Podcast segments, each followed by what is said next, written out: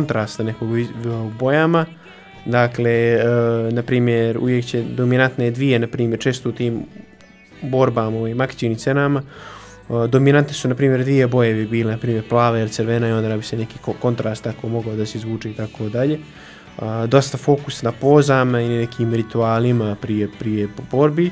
Možda same koreografije u okviru ne znam, akcijnih scena možda nisu najizbidljivije, međutim ono što prethodi samo akcijnoj sceni više nisu najizbidljivije ti neke poziranje, neki monolozi prethodni epski ili tako, tako neko postajanje karaktera koji ih čini su ja mislim neki od, od njegovih trademarkova, trademarkova što bi se mogli reći koji ga ovako čine prepoznatljivim.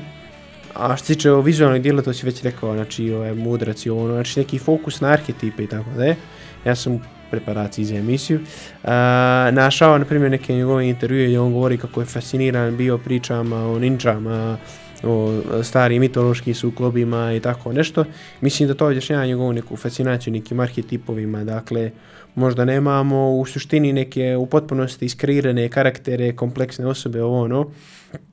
Imamo neke arhetipove, neke osnovne ili nositelje priče, ili samo imaju neke, svedeni su karakteri na na osnovne karakteristike neke koje ih lako prepoznajemo i koje oma znamo što označavaju. I to ja mislim jedno isto u njegovoj sličnosti i mislim da to mu nije mana možda, nego, nego takvu snagu, jer ne moramo uh, da dobijamo dosta detalja, jednostavno na, na prvom trenutku znamo u čemu se uh, radi. I to bi rekao neke narativne, neke vizualne njegove koji su uh, stilovi koji su prepoznativi.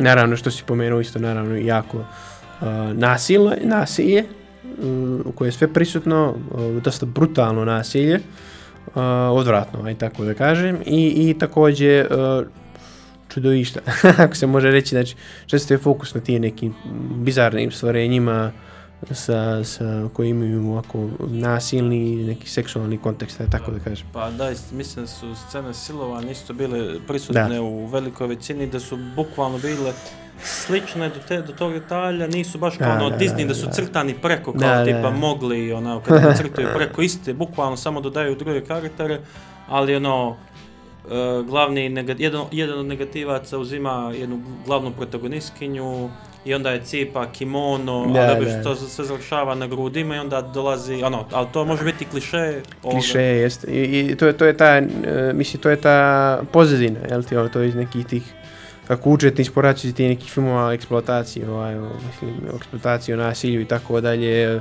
oni su uvijek i sadrže te neke scene silovanje, mislim ne uvijek, ali često znaju da sadrže tako da ni ne čudi što je u jednom, ajde kažem, anime pandanu da nalazimo slične scene, jel te? Da, i naravno da napomenemo da kao i kao i u svim prethodnim emisijama da sami radio Krš se ne promovišemo ovakav sadržaj, već ovakvom sadržaju pričamo da bi smo ga suzbili. Jer je zanimljiv. Pa zanimljiv, ali isto da možemo da izvučemo pointu zašto je u stvari to i loše i kako se to proizlazi u, stvarnom životu, ali naravno da to ima i neku estetiku koja doprinosi i samom razvoju filma. Da, i, mislim, uh, također mislim moramo imati na umu da je, u ovom periodu uglavnom ko koji čitao ovaj anime glavna publika je da kažem možda neki ako tinejdžeri i tako dalje koji ili nabujali hormonima i tako ovaj, ove scene im služe da im prije u tom periodu može se reći. A, ne, prva scena Wiki City je mi ovdje smiješna. Prvo naprijed kad, kad Jeli, da, da jeste. Da, dakle, u, u, ti posjeti, znači u krevetu su, jel te, ono, rade odrasle stvari i tako dalje i ono, ovaj, ženski karakter se otkriva da je zapravo ono čudovište ili u tom periodu. Kao neka bogomojka i pauk čija je vagina jedna ogromna rupa ili tako ono kao e, jeste, dosta, dosta simbolično. Ali meni su, isto što mi je bilo stvari smiješno jer sam, jer sam se opet vratio na one anime iz 80-ih, 90-ih gdje imaju one veoma formalne razgovore gdje u stvari konverzacija nije nosilac same radnje, nego je u stvari sami njihovi pokreti su nosioci radnje gdje ono, konverzacije su veoma malo šture, da. kao u filmove nekih crnogorskih režisera. ne znam bili ovaj, bili da to napravio to poređenje, ovaj, mislim, da, mislim da je to, pazi, mislim da je, to je generalno zanimljivo u tom periodu, posle onako su ovi jeli kratki formati, dakle njemu su dali 80 minuta rekli su 80 minuta napravi film. Znači, za kratko vremenski period. U tom periodu ti ne možeš ništa, niti da elaboriraš karaktere, niti da sad napišeš monodramu, niti da neki... Mislim, možeš ako ti je to sami suštinski fokus, međutim, zna se zašto se dođe da se gleda. Znači, da se biju ljudi, da krvare, ili da imaš neke malo ovako erotične scene, jel? Tako da on, uh, taj ostatak priče kako bi uh, uh, doveo do toga sve one neki minimum, kao što sam rekao, na te neke arhetipe, i gdje u, u, u ovaj, kroz, uh, znači samo ti, u, u, tom, u tom formatu ti samo možeš kroz kliše da komuniciraš. Jer kliše ti, uh, znači već si upoznat s formatom, već si upoznat s pričom i ti svode uh, informaciju na, na najbolji mogući sadržaja da ti sve znaš što se dešava, ako znaš na što idem, ako može da, da kaže. Da, da, da u svamo, u, stav, u ovome samom storytellingu da postoje određene arhetipovi, da postoje određene matrice po kojima se da. gradi priča, da ovi anime koje smo sada radili, da se to dešava tako da otprilike gradaciju i u velikim animeima možemo otprilike da zaključimo onog, uh, imamo glavnog naranđastog karaktera Da, i da. crnog uh, onoga subkicka i crni Jest, subkick će da jest. ide da se odvoji pa, onaj Path of Darkness kao na primjer u Digimonima ili u Da, Naruto. da, ima, ili- ima, mislim, mislim, ima milion, ovdje stvarno se svede, znači, primijesi malo diti koji je komični kao neki karakter, to moraš da imaš, jel da ne bude dosadno, da ne bude toliko mo- monotono, tonalno, moraš nekog komičnog karaktera da ubaciš da, da se svede, da bi ga, naš, Kao u Mulanu, na primjer, kad imate da bi malo malog, promrnuo, e, kad imate onoga malog zmaja, on je stvari comic relief karakter, kao i svim drugim da, u onaj u maloj sireni, onaj žuto. Da. ono, ako ćemo kroz Disney film. Kroz da. Disney filmova, ali naravno i kroz ove filmove, ako ste gledali uh, ne One Piece, nego uh, Bleach, onaj životinjica, ona, kako se zove, plišana, onaj, plišani medved, on je Da. stvari comic relief, A, u Mob Psycho 100. Dobro, on je, e, ja bih rekao da je, da je Chopper, A, Chopper, jesi mislio Chopper? ne, nego na Bleach, za ono... A Bleach, ja sam mislio da One Piece. A One Piece-u da, ali opet Chopper ima neku malo aktivniju Je. ulogu, možda bi... Ne, Mislim, ne, kad uvijek vidite, samo, e, ako gledate anime, vidite uh, igre, karaktera koji možda bude plišana igračka, on je napravljen da bi bio plišana igračka, da bi tako bio prodat. To također treba imati na. To, to čim se vidi, zna se na što se ide. Ili na Mob Psycho 100, onaj mali zeleni duh. Da, stvari. uvijek, znači uvijek mora imati nekog, mislim ne mora uvijek, ali dobro imati u tim nekim formatima učnog karaktera radi, radi male promjene tona, da ne bude teško, konstantno, ovaj. I, I te matrice služe svrhu, one nisu, one su dobre, one nisu loše, a trebamo, mislim da, da su ljudi zaboravili da klišeji služe svrhu. A to je da već oprobanu pr format priče vama ispričaju konstantno, znači nije forma, nije, nije ideja a, ono što izdvaja film ili anime, ono nije originalnost, nego egzekucija već Postojeće, postojeće priče. Jest, to nije. Ja mogu, ja imam š- pe- 50 shonen, anime, a koji su istu priču, vazda će me isti, ako je dobro izvedeni, jedan isti bit, vazda će me ovaj uvati. Ako pokušavaš previše da ideš u neku suštinsku originalnost, da, da zezneš svakome očekivanje i tako da da biješ zadnju sezonu Game of Thrones. Tako je. Tako da, to Ako je to. želite, bukvalno ako želite da učite uh, sve o anime klišejima, pogledajte Goku od sve sezone i shvatit će da je to u stvari najveći anime koji koristi klišeje na svijet, gdje ono stvarno možete da znate on je umro, bori s jednim šefom, ubio toga šefa, jedan put postaje onaj koji je njemu šef i onda kao, u stvari ima i parodije, ima jedan koreanac što se bavi kao tim parodijama, Da, da. e, jedna stvar kao kritika, ali to je to u stvari ono, to su te stvari koje grade i sami anime, ali kvalitet, naravno kad pretjerate, to je loše, jer onda Ne, ne. to je ha, ali na primjer kao u ovome slučaju sad koje, kojeg mi obrađujemo, to u, u- kada je egzekucija dobra, onda, U suštini upali, uvijek upali, tako da ne treba se micati ovog nekog formata, posebno kaže njemu je teže bilo jer je imao 80-60 minuta da ispriča svoju priču. U suštinski u tih 80-60 minuta vi ne možete raditi ništa inovativno i tako dalje. I onda je najbolje da idete na te neke šablone, na, matrice i da svedete priču na minimum, jer ona će oma, ako je dobra izvedba, jel te, us, uspjeće. Tako je, kao na primjer na onaj Cyber City u Edo, to mi je možda jedna od... uh, Ke, on, je- on, je, on je jedini možda koji je se tu ističe po, nekoj, po nekoj čudnovatosti. On je rekao, da, rekao, rekao bi da je on najoriginalniji, ako se može tako reći. Da, jer tu u stvari dosta 45 minuta razvoj jednog karaktera, bukvalno Da. se radi na razvoju. Mislim, ako budete gledali, a to je moja preporuka, mislim, sve, svi njegovi filmovi su mi super, i Vampire Hunter Dread Bloodlust, i Ninja Scroll, i Shinjuku, i Wicked City, sve bih preporučali, vam je nekako najspecifičniji, jer najbolje razrađen lik i lik u stvari možemo desila se prava karakterizacija lika gdje vidimo promjenu, gdje možemo da vidimo njegovo napredovanje, borbu, ali opet ono, ima i fini kraj, ali i provlaču se opet onda i ove stvari koje smo do sada pričali, da imamo kliše, ali da mi isto posjeća ono, da imamo onaj s naočarima se bavi s kompjuterima, da, da, da, ovaj elegantan. Pa dobro, mora, mora, mora imati neki te, neke u formatu, ovaj, mora, moraš imati neke prepoznatljive karakteristike, ovaj.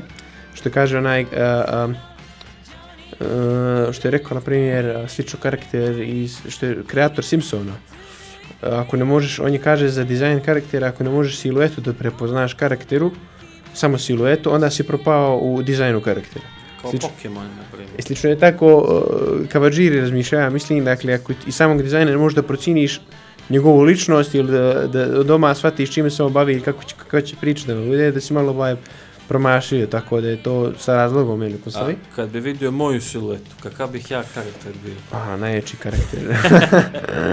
OP, a, najljepši, najpravilniji, ne znam, naj, uvijek. Naj, um, a, bio bih novi ministar. Ekspert. Ekspert, ovaj, ali ne, šta se ti da... Isto je on imao, što se tiče toga filma, samo fun fact, imao je problem sa reducentima, producentima, reducentima ne postoji riječ, u, jer mu jedan karakter imao preko 40 godina i, i e, nisu producentu htjeli, htjeli su nekog mlađeg malo i tako dalje, tako da i to isto ovaj, koliko god se nama čini ono banalna priča, vidiš da je, da je čovjek si gurao svoju viziju je. Ovaj, da, ali isto, na primjer, onda jedna od stvari koje sam primijetio da se mhm. ponavljaju u njegovim filmovima, ali koje su mi opet bile interesantne jer uvodi se neki novi dio, o, ove stvari sa onim koncem ili sa onom trakom koju oni stavljaju oko prstena pa se sa time bore. To je isto bilo, pro, to isto bilo povučeno kroz ovih par kroz par anime i to je bilo fascinantno kao lik ponavlja jednu priču koja je predobra i svaki put je ono dobro foru kad, kad se to gleda jer više ne mogu s mačevima znači a ljudi postavite više ono kao iako, iako samo da blaga digresije uh, One Piece i Zoro i u, u, u mangi ono što je bilo zadnje bilo kao a, dobro to je na primjer super. Pa dobro, ja, ja kao što kažem, ovaj, uh, akcijone scene možda nisu same, to neka geografija možda nije najizvrsnija, iako je dobro, iako je sve dobro animirano, ako je sve ovaj, odlično. Nego meni su ti ovaj, neki ritualistični trenuci prije samo je prema samog dvojba ovaj, a, a interesantniji možda to objašnjava činjenicom što je on gledao samurajske filmove, jel te, u starim samurajskim filmova, nije si mogao da, da kreiraš kroz koreografiju neku izvršnu scenu, nisi imali te sposobnosti, te ovaj, tehničke mogućnosti, tehničke mogućnosti da imaju da zamine ljudi i tako dalje. I onda je fokus na, jeli, na, na, na pozama prije i poslije kako će karakteri da izgledaju i da oni sami iskažu dramatičnost. I tako, na primjer, u Dimmer City Shinjuku, na primjer, ono, kad krenu one borbe, on ispravi unete, napravi neku fozu koja grandijozno djeluje ovako viteški i to te više ovaj, pokrene, to ti više stvori neki, neku emocionalni naboj nego samja a, borba ovaj, u, u tome. Tome je slično isto, na primjer, možda stari spageti westerni. Kada stari spageti westerne nije samo pucanje, ili zanimljivo, nego ono što prethodi samoj sceni tog pucanja, ili kako su ljudi postavljeni kako trenutak reagovanja i tako dalje. To mi je, to mi je zanimljivo i mislim da se to najviše u, u njegovim filmovima dolazi do izražaja, rekao.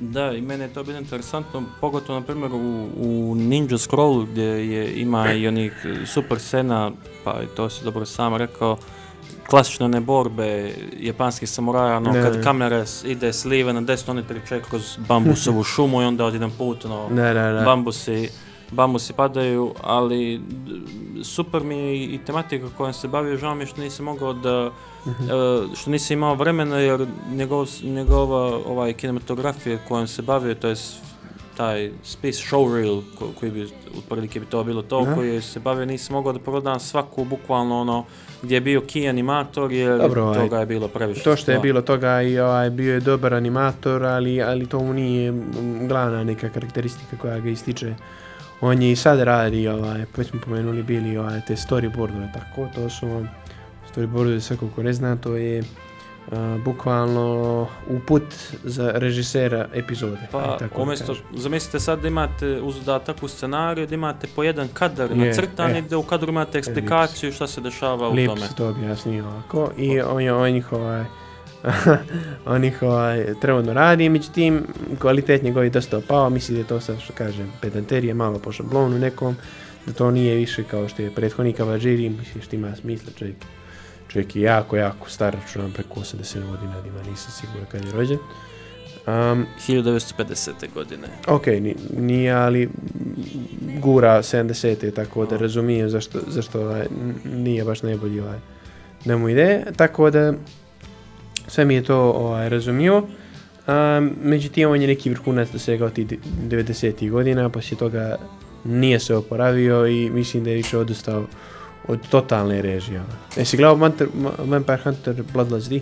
Uh, nisam, nisam gledao zbog toga što sam shvatio da ću stvari morati da pogledam prije toga da bih imao kontekst o cijele priče da je prije toga isto imao Vampire Hunter, da je yes, Bloodlust nastavak.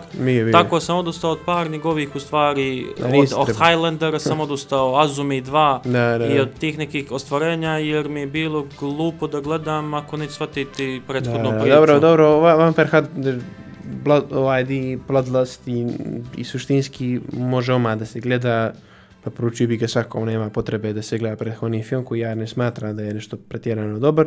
Iz mog nekog sjećanja nisam nešto oduševljen. A, dosta ovako zanimljiv film. A, spoj više nekakvih tradicija. Pomenuo sam ja spaghetti western, nek, gotski filmovi, vampirski filmovi, uh, samurajski filmovi, uključujući njih, znači dosta nekih raznoraznih inspiracija, uh, zbijeno u jedan film, uh, dosta ovako čudan i zanimljiv film. Uh, vjerojatno najbolji produkcijski film koji je ikad radio Kavadžiri u smislu produkcijnih hrnosti su najveće. To je Dilom to je ja mislim prva kolaboracija, ja mislim između Zapada i Japana, der, mislim nije prva, ali prva na tom nivou, aj tako da se kažem, na tom nekom visokom nivou da je odrađena jer je film uglavnom finansiran iz Amerike. A, to je nastalo kao rezultat činjenice da je Ninja Scroll bio jako popularan u Americi tako da je. I film zbog toga ima neke velike, baš velike vrijednosti, ovaj, produkcijsku vrijednost, veliku visoku produkcijsku vrijednost. Um, I zanimljivo je isto što je prva, da je prvo engleska sinkronizacija urađena, pa onda japanska. Jedan od ritkih filmova koji isto to uradio, to je malo je, malo je japa, japanskih animea koji su prvo sinhronizovani engleski, vrto Space Dandy i još neko, ali tako je funkcionisalo i to je ono što, što čini taj film zanimljiv i pored samog filma koji je, opet kažem, jako dobar, dosta ovako jedinstven što se toga tiče, stilistički jedinstven. Uh, ono što je meni, naravno, ja se moram svakako nadovezati i na taj anime kad, kad ga budem pogledao, gledao sam naravno i recenze za njega gdje sam vidio mhm. da animacija je strašna i da je, da, je, da je priča i, i storyline da je odličan, ali da, uh, da je on u stvari radi par adaptacija od istog manga umjetnika mm -hmm. Hideyuki Kikuchi, yeah, koji u stvari radio Demon City Shinjuku, cijeli taj Demon City series, Wicked City, da je bio, da je njegov stvari Vampire Hunter kao idejno, tako da mi je super kolaboracija između dva umjetnika koji prave jaka manga i anime dijela koje u stvari, gdje se dešava i poklapanje, sinergije. Da, Kikuchi originalno piše romane, a prvo je Kavajiri bio unajmljen da napravi 35-minutnu adaptaciju Wicked Sirija. I on je to nešto sve na neku, neku totalno neke osnove, 35 minuta je napravio priču i tako dalje. Angažovala ga je bila ta, ta kuća to da radi, međutim kreatoru samo Hideki Kikuchiju kao i produkcijskoj kući se toliko svidjelo ti 35 minuta da se vratili tražili su mu da napravi još a, tako da je njihovo prijateljstvo nastalo od, od, od Wicked City, a Wicked City je onda postao ogroman hit u Japanu, nije ogroman, ali velik hit u Japanu, tako da su zahtjevi za pravljanje sličnih dijela konstantno nastajali i on i Kikuchi su formirali neko prijateljstvo. Tako da ne čudi što je on a, kasnije stalno a, adaptirao Kikuchijeva dijela. I prva, prva adaptacija, znači Vampire Hunter D je također prvenstveno bio roman Hideyuki Kikuchija. Međutim, njemu se nije svidjela prva, prva adaptacija, pa je zbog toga naravno očekivao da će uh, Kawajiri da preuzme uh, nastavak filma, jeste Vampire Hunter di Bloodlust, kako li se zove. Uh, I te stoga, jel ti, to pokazuje koliko ima povjerenje u njega da će debutirati ta dijela, jel? O, ovaj, sada ćemo preći na kratku muzičku pauzu i onda se vraćamo sa nastavkom. Vi slušate Pipke Hobotnice i vraćamo se nakon kratke muzičke pauze.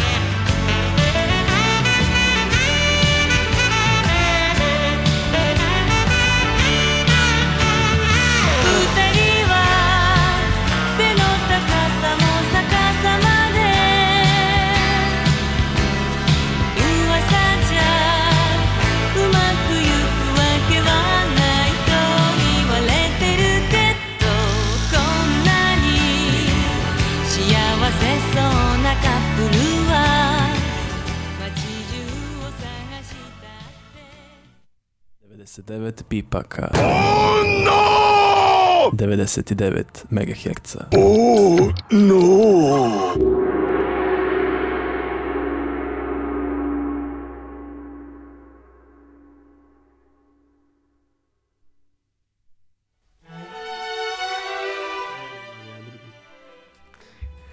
I evo nas, došli smo sa pauze, sa vama su Pipci Hobotnice i vi slušate našu novu emisiju o još jaki Kavadžiliju. E, do sada smo obratili, te su obradili smo neke arhetipove koje smo mogli da susretnemo u njegovim dijelima kao i neku možda i blagu animaciju. ono što je u stvari i mene ostalo fascinantno je da nije, nije počeo, nije proizvodio više svojih, konkretno svojih anime režiserskih mm dijela, negdje od 2003. godine, znači samo se bavio čisto storyboardovima i animacijom za, za, za tuđe anime. Da, mislim da dvije stvari objašnjavaju to, jedno ko su prethodno naveli činjenicu da je 1950. godište. Oj, Gigi. Jeste Gigi, a vas je presta čovjek. A, druga je što je dosta komplikovan proces produkcije koju on izvodi. Dakle, dosta jedinstven njemu i tako dalje. U animeu, kao što smo napomenuli, imamo taj storyboard, imamo režiju, imamo priču, imamo jel, produkcije raznorazne i oni su odvojeni svi aspekti i onda međusobno ljudi kolaboriraju kako bi stvorili jedinstven proizvod. Međutim, Kavadžiri je dosta opsežan o tome koliko kontroliše priču i tako dalje i on radi sve te stvari nekim holističkim pristupom, to je sagledava i kao cijelinu i pokušava istovremeno da ih donekle odradi i da to sve bude koliko je moguće jedinstveno. I to često, ovaj, njegov prvi anime, znači, to često znači da je njegov sam teret posla mnogo veći. On je prvi anime koji je režirao, zove se Lensman, nije neki, ali je solidan. on je njega, napisao je storyboard, napisao je scenariju za njega, Karakter dizajn. Bio je za dizajn karaktera i tako dalje, znači bavio se svim i svačim i to je do negdje uvijek trajalo, čak kad bi drugi preuzeli te dužnosti za dizajn, za sve ostale stvari, ipak bi oni bili istovremeno bili određivani kao i ostali neki aspekti filma. A, što je značilo da je produkcija dosta mogla biti mukotrpna. A, tako da ne čudi što je on u, u nekim starijim godinama, dakle imao je koliko 55 godina kad je odustao od toga, što je on malo odradio. A jedino što je tu loše, što je zadnji film koji on režirao je Highlander, koji je donekle osakaćen a, njegov film, znači on imao neke ideje filma, međutim na kraju su mu čak makli 10 minuta od toga filma. oh no. Oh no, jeste kako njegove vizije, pošto je film originalno jel te, američki sa scenaristom koji je amerikanac i tako dalje, Kavadžiri je htio neke promjene na scenariju da odradi što je za njega tipično jer on zahtijeva apsolutnu kontrolu na svakim aspektom anime, međutim to mu nije dato u ovom smislu, tako da me možda ne bi čudilo, ovo je sad čista spekulacija na nekom mojem dijelu, da je možda bio razočaran u neke procese kako funkcionišu i da je to možda čak ovaj, da mu je to ajde kažem, maklo iz svog svijeta anime, nekog, ne svijeta anime, on i dalje radi na već smo rekli, ali iz to nekog uh, većeg ešalona, znači neće se bavi nekim uh, težim stvarima, komplikovanim stvarima više. Da, ali sam isto primijetio, na primjer, da sem toga što on stvarno radi puno character design, storyboard i uh, bavi se režijom, da nije na svojim ostvarenjima, kao što smo sad mogli zaključiti, s obzirom da je radio na, na tuđim mangama, da nije screenwriter, to je da nije tekstopisac, da mhm. nije scenarista za, za sve svoje anime, nego da se bukvalno bavi čovjek profesionalno režijom. Da, On je režiser na tuđem dijelu i radi totalno onda egzekuciju. Pa da, nis, nis sad siguran, radio na nekim, pisao je, znam da je pisao anime, na primjer za Wind Name Amnesia, što ne čudi, to je također adaptacija uh, romana uh, Hideki Kikuchije, znam da je pisao scenariju za njega. Uh, pisao je možda scenariju za još za pokoji film. Uh, ali Azumi 2. Da. Ali ako se on ne bavi, kažem, tom, tom, uh, tom scenarijom, pisanjem scenarija, on toliko vrši kontrolu nad da je to definitivno u nekom njegovom domenu i tako dalje i pravi neke izmjene na svoj račun i često i bez saglasnosti scenarista tako da možda formalno to ne piše da je njegovo ime i možda on to nije pisao aj tako da kažem ali je to definitivno bilo njegovom, pod njegovom kontrolom i sve što vidimo na, na na ekranu je rezultat njegove želje. Dosta je jako autoritativan u tom, tom smislu. Pa ne znam, ja u stvari volim kad režiser ima totalnu kontrolu nad, nad, na svojim animeom, pa to smo mogli da vidimo davno kad smo radili onu prvu emisiju za Studio Ghibli gdje je Miramax mislim da se zvala na kompaniju Americi gdje mu ono lik mu posla bukvalno ono katanu kao no cuts kao nema da se sjeća. Pa da to je, to je meni uvijek zanimljivije uvijek mi je milija ovako kad... kad Director's cut. Da, meni, ja kažem, ja sam često filmove gledam čisto radi vizualnih nekih aspekata, često tako da to mi ne smeta. Nije mi narativ nešto pretjerano često interesantan. Međutim, uvijek mi je glupo kad vidim režisera kao Dave Fincher, koji ima vizualno savršene filmove, a pričam su mu smeći. dakle, on, romani aerodromski što se kaže i tako dalje. Tako koji je gledao Gone Girl i, i te filmove znao o čemu priča. David Fincher. Ne znam, to je Fight Club, ili tako? Fight Club također, ali ajde Fight Club, ajde malo da se pronaja s Fight Clubom, ali neće sad njima. Međutim, gori je neki drugi, znači novija posebno izdanja, Girl with the Dragon Hat tu i tako dalje. Mislim, to je solidno, a to je sve mm, za švedsku TV seriju. Dakle, mm, na tom nivou su mu scenarija, on je oko odličan režiser i onda je malo tužno. Ovaj. Brato, brati pažnju malo na priču. Ovaj. ovaj, ne znam, ja u, ove, barem zadnje vrijeme što smo radili anime, ovo je jedno od boljih što se tiče animacija i, i boja što mi se sviđa. A druga stvar, E, pronaći ga na neto je isto bilo veoma lako čak sam uvijek našao Full HD rezoluciju za, za sva njegova djela što mi je bilo fascinantno. Jer kad smo radili, kad smo radili onaj onaj Gore, Ero Gorov. Da, ne, ne, ne. ne. njega, smo, njega sam veoma teško našao i kad sam ga našao, to je bio neki format 314 yes, puta 557, tako je bilo nešto. Ali ovo mi se veoma sviđa da sam mogao do stvari da stvarno setim da je, da je bilo to a to onda... Transferovanje u Blu-ray mislim skoro svaki. Mislim možda nije Demon City Shinjuku ili neko. Da. Ali Ninja Scroll i ove stali su na Blu-ray. Svi su u Full HD, što mi je bilo fascinantno. Jedan, jedan put sam htio, ono, short insert i onaj digresije, htio sam da gledam Živka Nikolić, Lepota poroka. Ima, ali zamisli sad, znači imaš da skineš normalnu verziju koja je snimljena na i samo, a onda imaš digitalnu, kako su ga obradili, opet digitalno, koju Full HD, u kojoj izgleda bombastično, na YouTube ima, će se pogledati. Na YouTube ima. Ja sam našao uh, verziju sa engleskim titlovima koja je izgledala ok, ali mi je sajt poslije pola sata tražio registraciju i da, i da dam pare. Oh, no.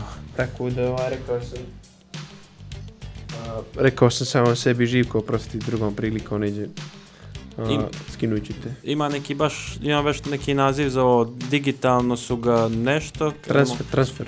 Mislim e, transfer, je li kako? Transfer na Blu-ray iz filma. Vjerojatno su to napravili, ali da, pošto je snimljen analogno, on je stvari bi snimljen da, sa trakom. Snimljen se trakom. Sa trakom, ali uglavnom to mi se svidjelo što, ali na primjer druga stvar, htio sam da čak i neku muziku, jer muziku stvarno mi se svidjelo u mm animeu. E to mi je bilo već malo teže da nađem, to, to nije bilo, to nije bilo toliko pristupačno. Jeste, malo sam na Spotify i to sam mogao nađem, ali za ripovat negdje sa, sa neta, to je bilo čudno. Ali svakako ako preporu, uh, preporučio bih i, i gledalcima da preporučio bih i gledalcima da ne samo da pogledaju možda i film, ali možda da nađemo, možda možete i naći neke od ne ovih videoklipova s MBC na, na YouTube, možda ih može, može, može, može, ja znam za, za Vampire Hunter uh, D Bloodlust, da, da smo našao ja drugi ja, uh, koji se sjećamo tih scena, našli smo na, na, na YouTube i puštali smo.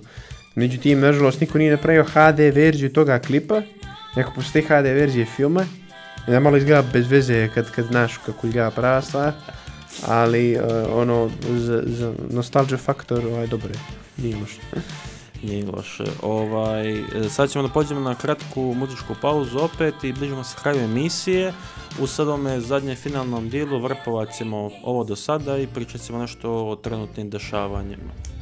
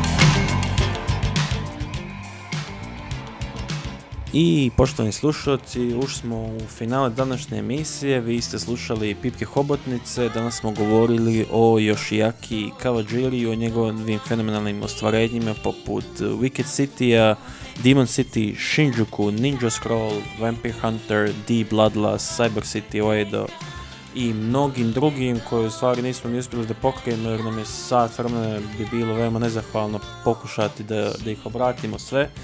A, Danilo, u trenutnom svijetu dešavanja u mhm. animeu, da li imaš neka, neka nova Neke zanimljive stvari, neke zanimljive, neke zanimljive stvari. fakti. Jer smo zadnji put smo bili ovdje prije dvije nedelje i to mm-hmm. su stvari, ja mislim, bila dva izdanja One Piece-a, tako da je bilo tu su nekih novih dešavanja. Da, bio je izdanje One Piece-a, možemo govoriti o, o popularnosti Jujutsu Kaisena koja je sad dosegla ogroman nivo, počeo je da se rasprodaje manga nevjerojatnih količina, ne znam sad konkretno koja, ali e, ogroman, ogroman hit postaje, e, sve se više prodaje, e, malo je, izgleda je malo problematičan vino mangaka u smislu ispunjavanja radnih obaveza, jer za njih nekoliko mjesec dana imao je četiri, nije mjesec dana, ali ne previše četiri, svake neđesko, ali za njih tri, četiri mjeseca, tako da kažemo, neke četiri pauze, što je dosta za Shonen Jump mangu.